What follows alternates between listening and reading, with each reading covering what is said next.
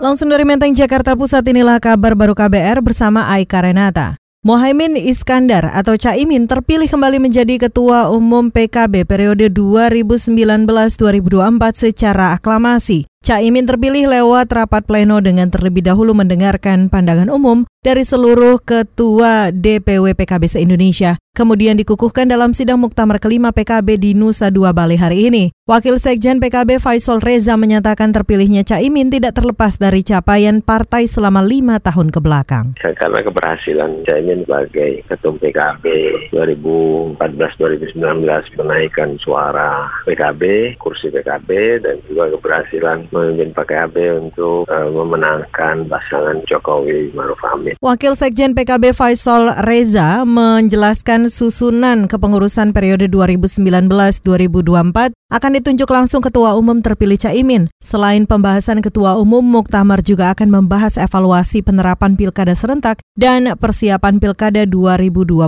mendatang. Kita beralih, Saudara Lembaga Pemerhati Penyiaran, Raimo TV menilai butuh tim ad hoc independen dan terpercaya untuk memperbaiki kinerja Komisi Penyiaran Indonesia KPI. Alasannya menurut peneliti Remo TV Roy Taniago, KPI sering kali gagal memahami kewenangannya yang diatur dalam regulasi pemerintah, semisal wacana mengawasi layanan seperti Netflix dan YouTube. Harus ada upaya yang lebih jauh, yaitu bukan sekedar berhenti stop KPI untuk tidak mengawasi Netflix dan YouTube, tapi juga minta negara untuk mengevaluasi lembaga ini. Karena lembaga yang penting supaya kerjanya baik, jadi minta Jokowi untuk evaluasi kerja KPI selama ini. Peneliti Remo TV Roy Taniago menyebut lembaga yang tepat mengawasi KPI adalah Komisi Bidang Penyiaran DPR RI dengan sistem terbuka. Kebutuhan soal evaluasi itu karena saat ini pergerakan KPI cenderung tergantung pada isu populis.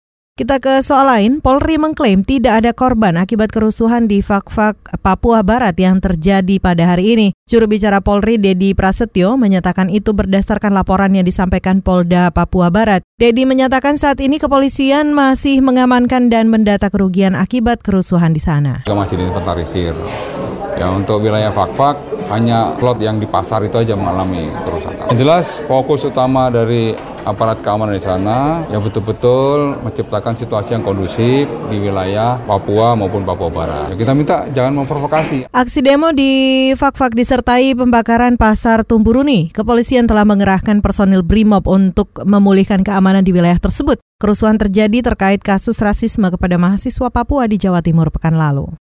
Ke satu informasi lain, Badan Penanggulangan Bencana Aceh BPBA menaksir kerugian atas kebakaran hutan dan lahan di Provinsi Aceh mencapai 2,7 miliar rupiah. Kepala Bidang Kedaruratan dan Logistik BPBA Muhammad Syahril menyatakan, selain hutan karhutla juga menghanguskan perkebunan masyarakat. Itu di 12 kabupaten kota, jadi banyak tanaman-tanaman kebun masyarakat yang juga terimbas dari rembetan api. Kabit Kedaruratan dan Logistik BPBA Muhammad Syahril mencatat lahan terparah karena karhutla berada di Kabupaten Aceh Barat. Bahkan sampai sekarang Pemkap Aceh Barat belum mencabut status darurat karhutla karena titik api masih ditemukan dan terus meluas. Dari Januari hingga pertengahan Agustus telah terjadi lebih dari 400 kebakaran hutan dan lahan. Luas lahan yang terbakar mencapai hampir 370 hektar.